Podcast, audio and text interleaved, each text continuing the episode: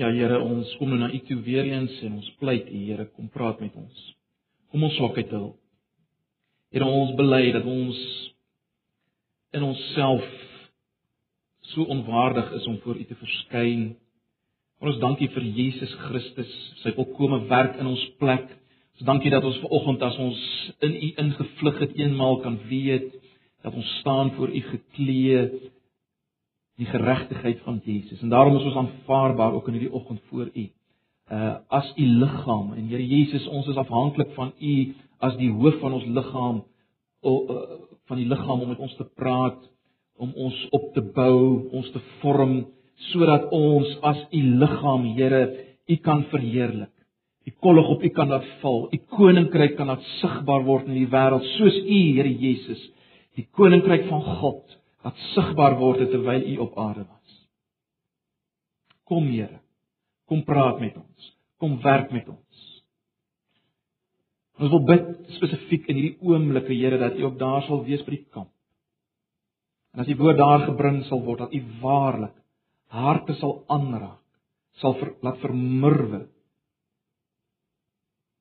Die mense sal laat uitkyk uit hulle self en U sal laat sien Here Jesus as die volkomme verlosser. Dat U sal omhels met die leë hande van geloof. Asseblief, ons pleit U daarvoor in hierdie oggend. In Jesus se naam. Amen. Nou broers en susters, ehm um, julle sal weet ons was nou verlang besig geweest met die boek Efesiërs, sistematiese studie van die boek Efesiërs. En uh, ons het uh, verlede Sondag aan die einde gekom van Efesiërs. Ons het twee uh, By twee geleenthede stil gestaan by die wonderlike laaste gedeelte, eh, Efesiërs 6 vers 10 tot 20. Ehm um, Volgens wil ek net iets aanraak wat as te ware in daai gedeelte aanwesig was. Uh so ons gaan nie spesifieke gedeelte nou lees nie. Julle hou wel die Bybels asseblief byderhand. Ons gaan nou begin rondblaai. Uh daar's ook nie 'n preekraamwerk vanoggend nie. Eerstens omdat ek te lui was, andersins omdat ek uh, tyd so 'n bietjie min was met die kamp en alles. Uh volgende week, van volgende week af as die Here wil, begin ons uh, met 'n studie van Genesis. Ons sal ook materiaal uitsit van volgende week af vir die vir die uh klein groepe.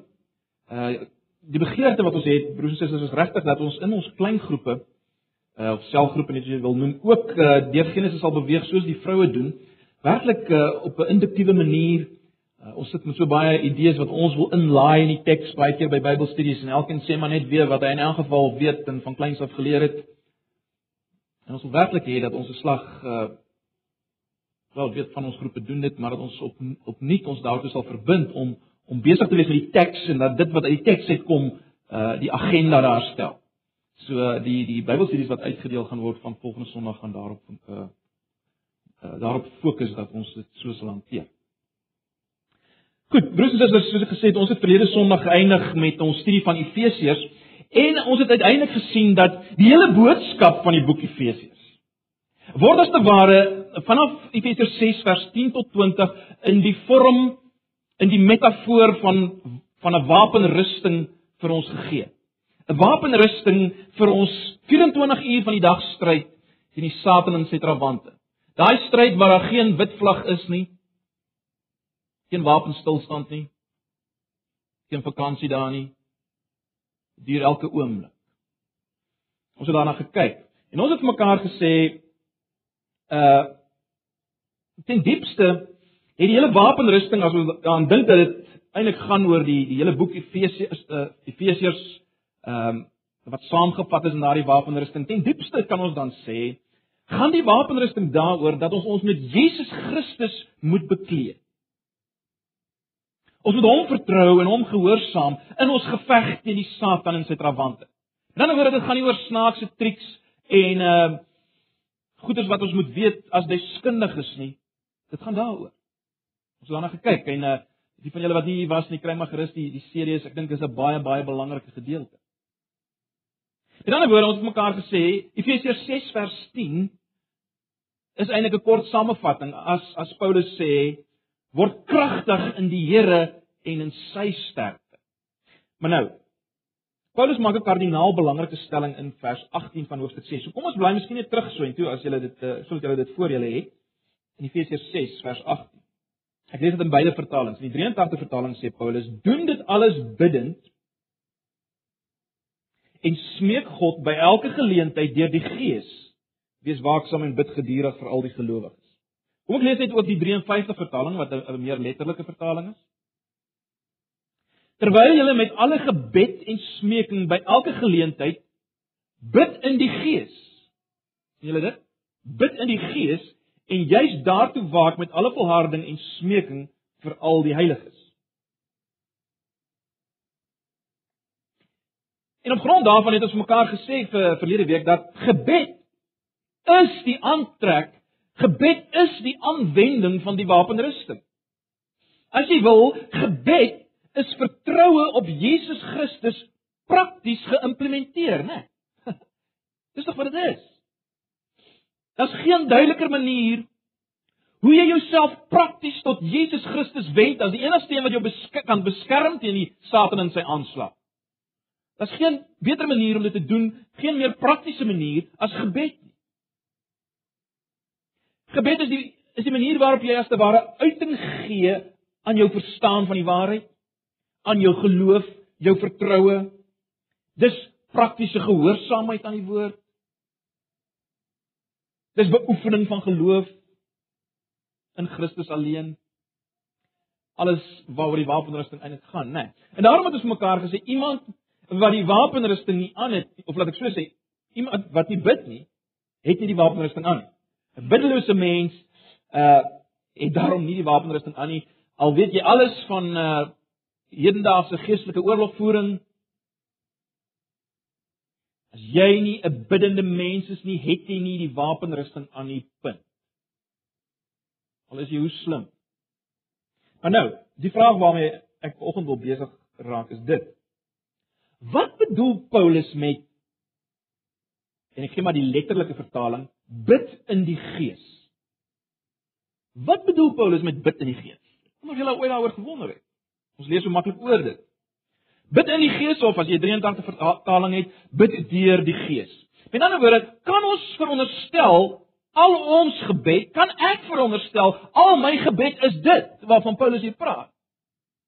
Nee, dis die vraag volgens. Kan ek veronderstel al my gebed is dit? Dis die een kant. Uh of is dit waarvan Paulus hier praat dalk weer een of ander snaakse geheim Wat net sekere ouens wat al baie verder gevorder het op die pad van geestelike oorlogvoering, net hulle verstaan waaroor dit hier gaan. Dis iets misterieus, iets geheimsinnigs, bid in die gees. En en ek as gewone ou, ag ek bid net maar net op 'n ander manier. En dan oor is dit hoekom sekere ouens soveel sukses het in die stryd teen die bose en ek nie. Dit dis 'n een vraag wat ons moet vra. Aan die ander kant moet ons onsself afvra, kyk, bluf ek nie myself Is ek nie besig met iets wat ek gebed noem? Maar is nie hierdie gebed nie en daarom is ek nie effektief in my stryd teen die Satan, my staande bly let wel teen die Satan nie. Dis die vraag. Bluf ek nie myself? So ek dink dit is belangrik dat ons net hierna kyk voordat ons nou van volgende week af besig raak uh met die boek Genesis. Nou om ons te help om te verstaan wat Paulus bedoel met bid in die Gees en om te sien of dit ook belangrik is in die res van die Nuwe Testament, moet ons bietjie na ander gedeeltes kyk. En ek wil hê ons moet eerstens net vir ons af self afvra, is dit werklik so belangrik vir ons as Nuwe Testamentiese mense? Hierdie bid in die Gees. Ek meen, kom dit hoegenaamd op ander plekke voor as in Efesiërs 6. Het Paulus nie dalk maar net 'n glip van die tong gehad daar in Efesiërs 6? Maar kom ons bly na die boek Judas. 'n interessante ou boekie. Ehm uh, net voor Openbaring vir die van julle wat ehm um, wat sukkel om te kry. net voor Openbaring. Ek gaan hom weer in beide vertalings lees. Kom ons lees maar eers die 83 vertaling wat die meeste van julle waarskynlik het. Vers 20 en 21. Julle geliefdes moet egter voortgaan om julle lewe te bou op julle allerheiligste geloof. Bid altyd deur deur die krag van die Heilige Gees bly in die liefde van God. Dis die 83 vertaling nou die meer letterlike een. 53 vertaling, maar julle geliefdes moet julle self opbou in julle allerheiligste geloof en in die Heilige Gees bid en julleself in die liefde van God bewaar terwyl julle die barmhartigheid van ons Here Jesus Christus tot die ewige lewe verwag. Nou son nou in in in baie besonderhede daarop in te gaan broers en susters uh julle moet maar my woord aanvaar daarvoor. As mens dit baie letterlik gaan vertaal is dit wat hier staan eintlik dit. As mens nou die Grieks letterlik probeer oorsit. Deur gebed in die Heilige Gees bewaar julleself in die liefde van God. Hoor julle dit? Deur gebed in die Heilige Gees bewaar julleself in die liefde van God. In ander woorde hier is dit baie duidelik dat gebed in die Gees is deurslaggewend vir ons bewaar bly. Ons bewaar bly in die liefde van God, maar ek dink ons kan dan sê met vrymoedigheid vir ons bewaar bly vir die ewige lewe. Die bewaar bly van alles wat ons wegtrek van God se liefde. Dis dis wat Paulus hier sê. Deur gebed in die Heilige Gees bewaar jy jouself in die liefde van God. Dis hoe die dis hoe dit in mekaar sit in die in die, in die oorspronklike teks. Broers en susters, wat ek dadelik op hierdie punt sê, dis onbybels en gevaarlik om te dink God bewaar my, daarom is ek ewig veilig. Ek sê dis onbybels en gevaarlik. God bewaar my, ek hoef met ander woorde niks te doen nie. Ek hoef nie eers te bid nie. Ek hoef nie te bid vir bewaring nie hoef nie te bid vir bewaar. God bewaar my mos. Nou natuurlik, broers en susters, julle weet, ehm uh, een van die groot dinge waaraan ons vashou in in die gereformeerde teologie is dat God ons bewaar. Né? Nee. Filippense 1:6, hy wat 'n werk in julle begin het, sal dit volëindig, sal klaar maak. Johannes 10:29, niemand sal julle uit my hand ruk nie. En baie ander gedeeltes. Natuurlik bewaar God ons. Ons sien dit hier in Judas self. Gaan net 'n bietjie verder af met Judas uh Judas het net een hoofstuk, so gaan net verder af met met Judas. Kyk na vers 24 en 25, daar is dit baie eksplisiet. En nou is dit interessant om dit in dieselfde gedeelte te sien as as vers 20 en 21, né? Nee, vers 24 en 25 van Judas.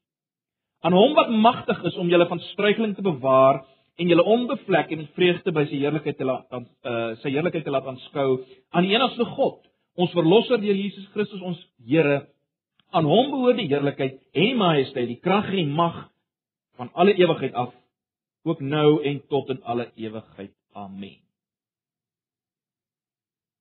Aan hom wat magtig is om julle te bewaar. So verseker. Verseker, broers en susters. God bewaar ons.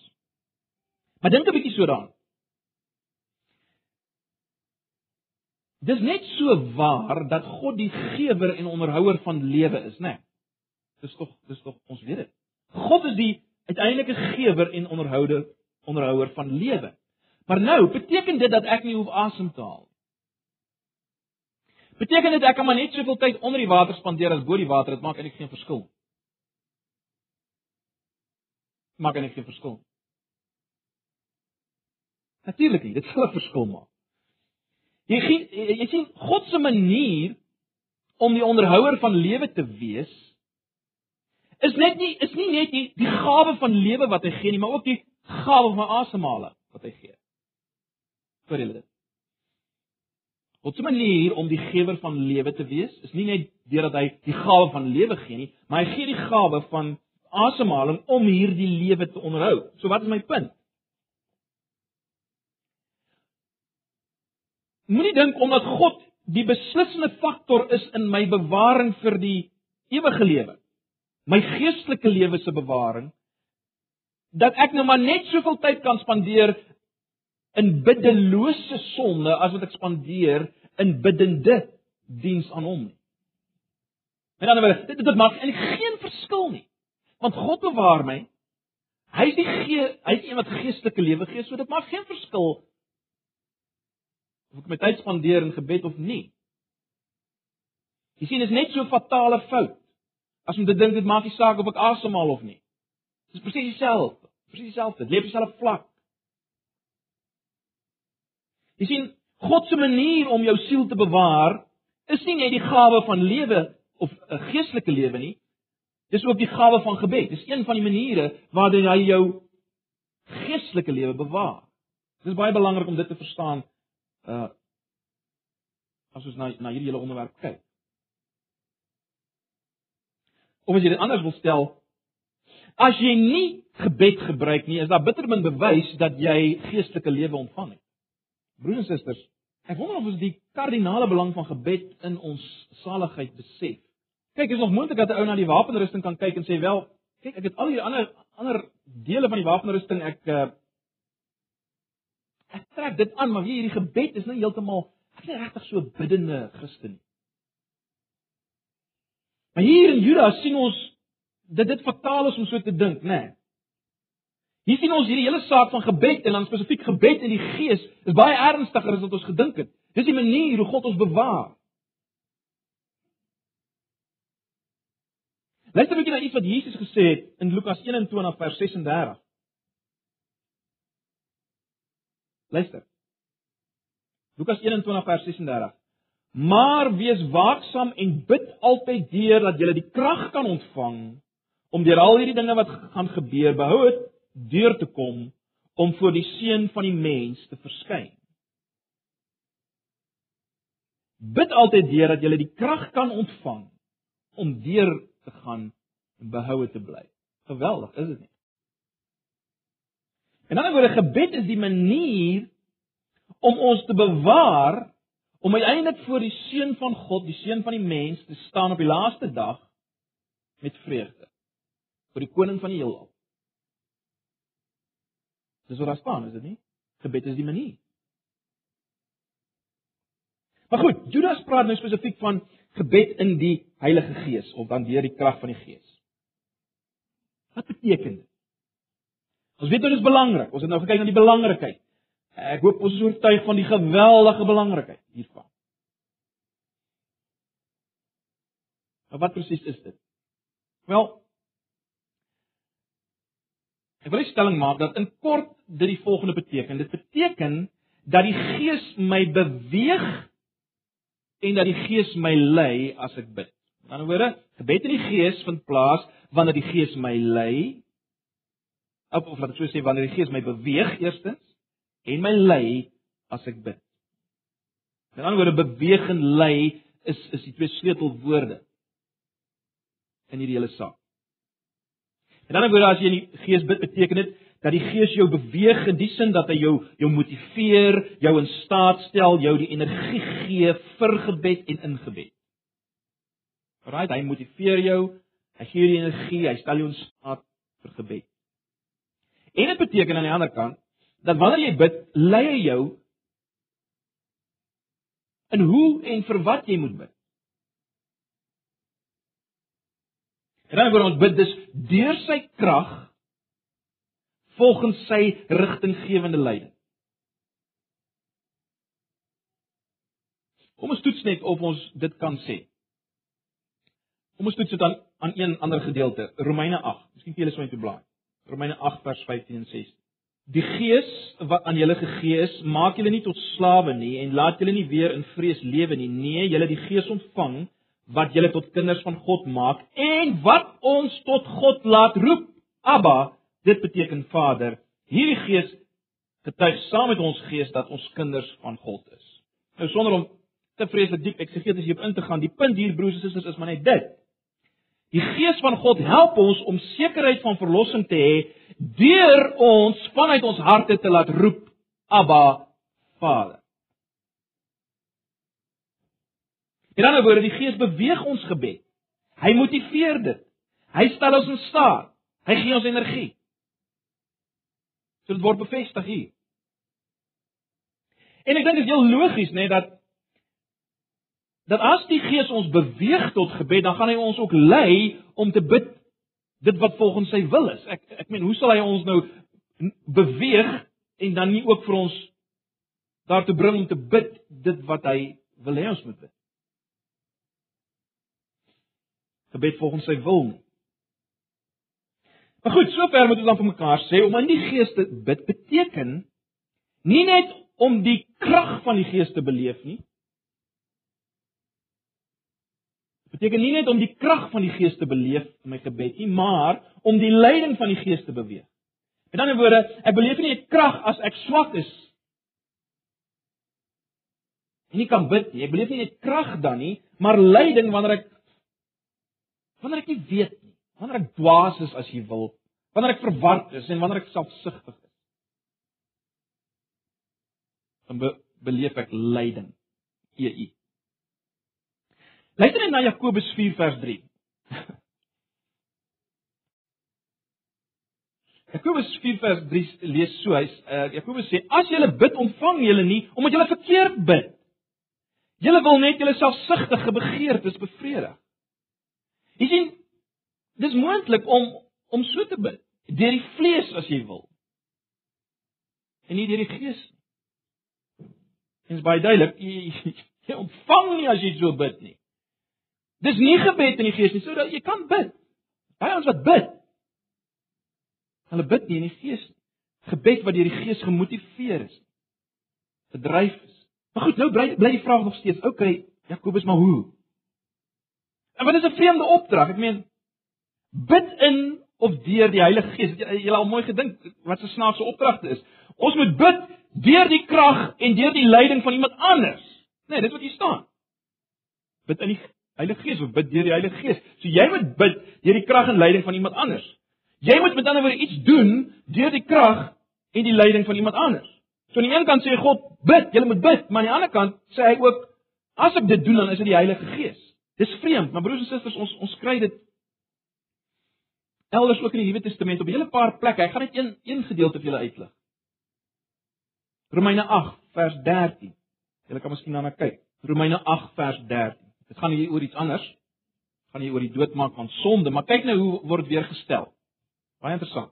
As julle julle lewe deur die sondige natuur laat beheers, gaan julle die dood tegemoet. Luister nou.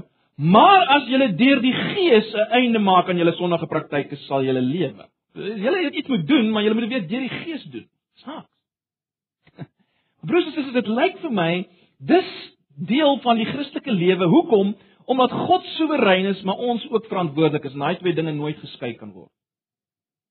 In ander woorde, Ons is verantwoordelik om iets te doen. Ons is verantwoordelik om op te tree, maar God is steeds die beslissende een wat handel of die beslissende handel in die een as jy wil. En daarom word ons gevra uh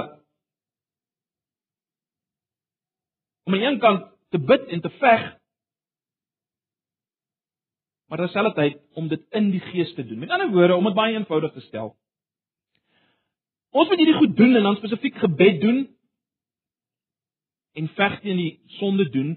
Ons moet dit doen, luister mooi, op so 'n manier dat dit die Heilige Gees is wat dit deur ons doen. Ons moet dit so doen dat dit die Heilige Gees is wat dit deur ons doen. En dis die dis waar die dis dis dis dis die geheim hier, dis die sleutel. So nou is die vraag onmiddellik, maar hoe doen ek dit op so 'n manier dat dit eintlik die Heilige Gees is wat dit deur my doen? Hoe doen ek dit dan? Ek moet bid, maar ek moet dit so doen dat dit die Heilige Gees is wat dit doen. Dis die opdrag. Ek moet dit doen, maar ek so doen dat die Heilige Gees wat my beweeg en die Heilige Gees wat my lei, die twee sleutelwoorde wat ons uh, uitgelig het.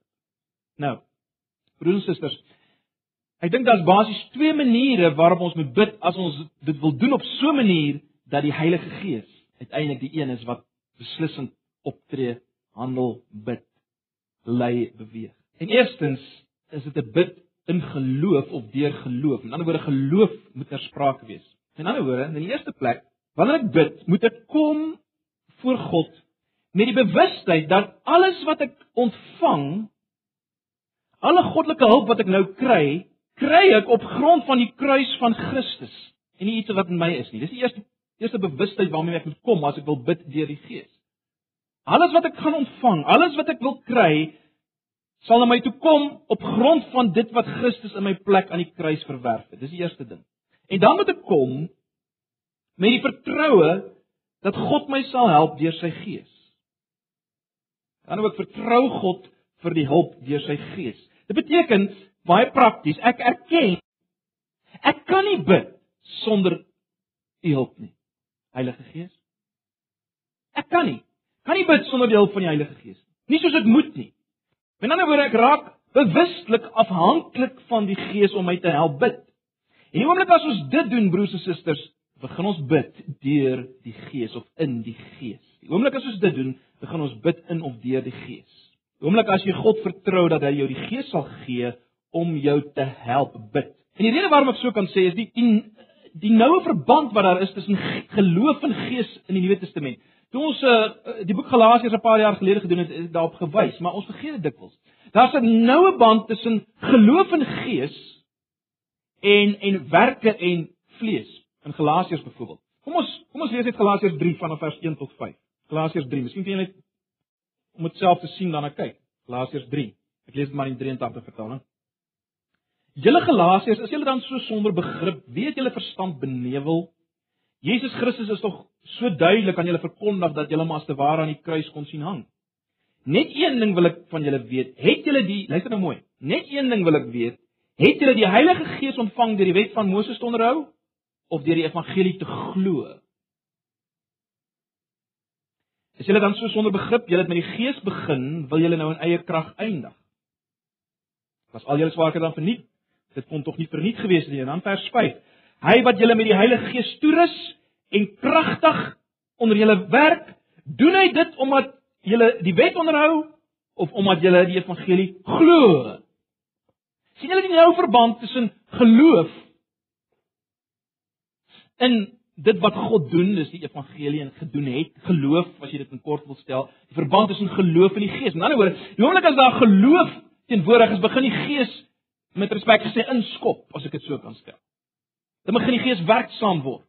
Maar as jy nog die oomblik as jy nog self besig is en jy wil dingetjies doen om die Here te beïndruk, nê, nee, uh die wet dan onttrek die gees van God. Hy's nie daar nie en dan is jy op jou eie, as jy in die vlees. So dis uiters belangrik om dit raak te sien. 'n Baie belangrike vers is Filippense 3 vers 3. Ons in die ware besnydenis, ons wat God deur sy gees, die ou vertaling weer eens sê, in sy gees dien. Jy kon dit ook vertaal met bid of aanbid as jy as jy wou, maar goed, ons in die ware besnydenis, ons wat God deur sy gees dien. Kom maar, dan verduidelik hy nou wie is hierdie ons? Ons wat ons op Christus Jesus beroem en nie op uiterlike dinge vertrou nie. So hier word aanbidding in die Gees verduidelik as om geen vertroue op uiterlike dinge, geen vertroue soos die letterlik dit stel in die vlees te hê nie. Nee. Aanbidding in die Gees, om God in die Gees te dien en te aanbid, is om geen vertroue in jouself te hê nie. En die implikasie is natuurlik dan ek het geen vertroue in myself nie, ek het vertroue in die Gees. En dan begin ek God in die gees dien. Dis weer die frase wat hier gebruik word, in die gees of deur die gees. So broers en susters, dis wat ek en jy moet doen uh, in ons gebed. Ook as ons wil staande bly teen die Satan. In ander woorde, wanneer jy te swak is, of te verward is, of te depressief is, of te kwaad is, of te doods voel om te bid, wel, moenie aanneem jy kan bid op daai oomblik nie. Nee, nee, kyk bewuslik weg van jouself na Christus en die genade van God in Christus en vertrou hom om jou te help. Al is dit net om 'n versigtiging in jou te produseer. Dit waarvan Romeine 8 vers 26 eh, praat as hy sê die eh, die Gees tree vir ons in met onuitspreeklike versigtiging. Maar jy sien dit is belangrik. Kyk weg van jouself na Christus en die genade van God in Christus en vertrou hom om jou te help. Klamper sê leer om jouself nie te vertrou wanneer dit kom by gebed nie en leer om God wel te vertrou wanneer dit kom by gebed. Broers en susters, ek en jy het nodig om dit te vat dat ons niks sonder hom kan doen nie. Onthou julle Jesus in Johannes 15, sonder my kan julle niks doen nie. Ons kan ook nie bid. So, ons het gekyk nou na die een manier of die een ding wat teenwoordig moet wees as jy wil, wat ons moet doen as jy wil. As jy wil toelaat dat wanneer jy bid, dit die, die jy bid op so 'n manier dat dit die Gees is. En die eerste ding is geloof. Jy moet kom in geloof. En die tweede ding wat ek wil noem is dit: jy moet jou gebede laat vorm deur die woord van God. Baie baie belangrik. In ander woorde, bring al jou gebede in lyn met die woord wat deur die Gees geïnspireer is. Broers en susters, as ek en jy net babbel oor wat ek nou weer wil hê en wat die Here nou weer vir my moet doen en moet gee, dan bid jy nie in die Gees nie. Jy bid vir jou eie selfsugtig begeertes en jy babbel en en dit kom nêrens nie. Wie is die een wat die woord ingegee? Weet Timoteus 3:16. 2 Petrus 1:21. Die woord is deur die Gees ingegee. Broers en susters, dit is ontsaglik be belangrik dat ons sal besef dat as ek wil bid in die Gees, moet die woord as te ware in my bly en dit gebeur natuurlik as ek die woord werklik begin lees, daaroor begin mediteer, dit begin memoriseer.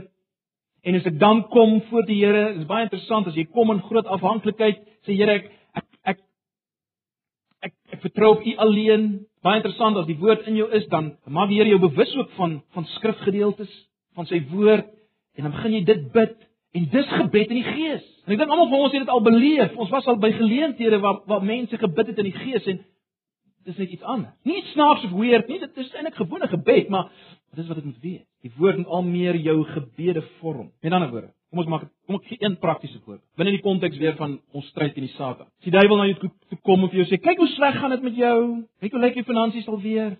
Kyk hoe siek is jy." Die Here het jou sekerlik nie lief nie, die Here het jou sekerlik verlaat en jy kan niks van beteken in 'n geval nie. Hoe bid ek?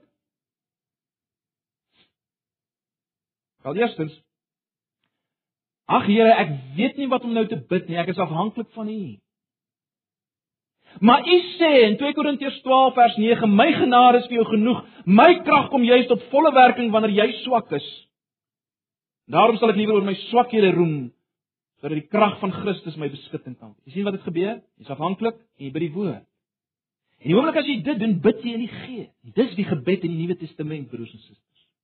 Uh, miskien het jy 'n laaste vraag. Miskien sê jy, "Maar hoekom Hoekom sien ons nêrens in die Ou Testament hierdie term bid in die Gees nie? En hoekom praat Jesus ook nie daarvan nie? Wel, eenvoudig broers en susters, die Gees is nog nie uitgestort nie. Ons leef nou in die bedeling van die Heilige Gees. En daarom ons gebed moet gebed in die Gees wees. Dis die dis die wonderlike nuwe van die van die nuwe verbond, is dit nie? Ons moet al meer en meer bewus raak van die Gees van God hier by ons. En hy is die een wat wat die skrif in my gedagtes laat kom. My daaraan herinner, ons moet bid in die Gees, broers en susters. Dis die gebed wat God gebruik in ons geveg teen die duiwel. Dis die gebed wat God gebruik in ons stryd vir die bevordering van die evangelie en die posvat van die evangelie nie net in ons eie lewens nie, maar ook na buite toe. Gebed in die Gees. Dis ons bewaar bly. Dis hoe ons oorwinnings behaal. Gebed in die Gees. Ag. Mag die Here vir ons elkeen uh, al meer meer en meer hiervan oortuig en van die belangrikheid daarvan. Ag broers en susters, ek hoop julle sien ons praat nie van 'n iets snaaks en 'n geheime tegniek nie. Maar die lig van die skrif. Absolute vertroue en afhanklikheid. En die bid van die woord, eenvoudig soos dit. Dis gebed in die gees. Ek wil nou vra dat ons vir 'n paar oomblikke sal stil word en ek wil vra dat ons spesifiek nou sal bid vir vir dit wat die naweek gebeur het by die Pretoria Weskamp, uh die uitreikkamp wat nog steeds besig is, waarskynlik is hulle nog besig met die boodskap daar. Kom ons bid. Kom ons bid nou vir 'n paar oomblikke. Bid in die Gees dat die Here daar 'n werk sal doen. In ander woorde, Here, U het beloof, U woord sal nie onvrugte sake terugkeer nie. Herinner hom. Bid sy woord. Kom in afhanklikheid. Kom ons bid spesifiek vir dit wat nou daar gebeur. Uh, ek het so 'n bietjie vir die mense genoem vanoggend by die bid hier, broers en susters. Dis stikkende mense. Dis ons mense. Hulle lyk soos ons, hulle praat ons taal, maar dit voel of jy in 'n ander kultuur is. Hulle stik. Sonder dat hulle vir hulle weer. Net God kan iets doen. Ons het nodig om in die gees te bid dat God iets sal doen daar, dat God hulle oë sal open, dat God hulle sal losmaak. Ag Vader, jy het nou elke versigtiging gehoor wat gebid is in die gees. En ek wil maar net my gebed nou kom byvoeg. en absolute vertroue op U alleen. Here, U het gesê dat geloof kom deur die gehoor. Die gehoor is deur die woord van God. Romeine 10. En die woord is oopgebreek by hierdie kamp en daarom pleit ons U dat U geloof sal bewerk. U het ook gesê dat u woord nooit sal terugkeer nie, leeg sal terugkeer nie. Here, asseblief, oor ons gebed vir daardie mense wat so verneweer is deur die sonde en die duiwel. Dis situasies van so aard is dat ons voel asof ons geen hoop het nie. Here, ons verwagting is van U. U die een wat uit niks iets kan laat tevoorskyn kom. Asseblief Here, hoor ons gebed. Ons vra dit in Jesus se naam. Amen.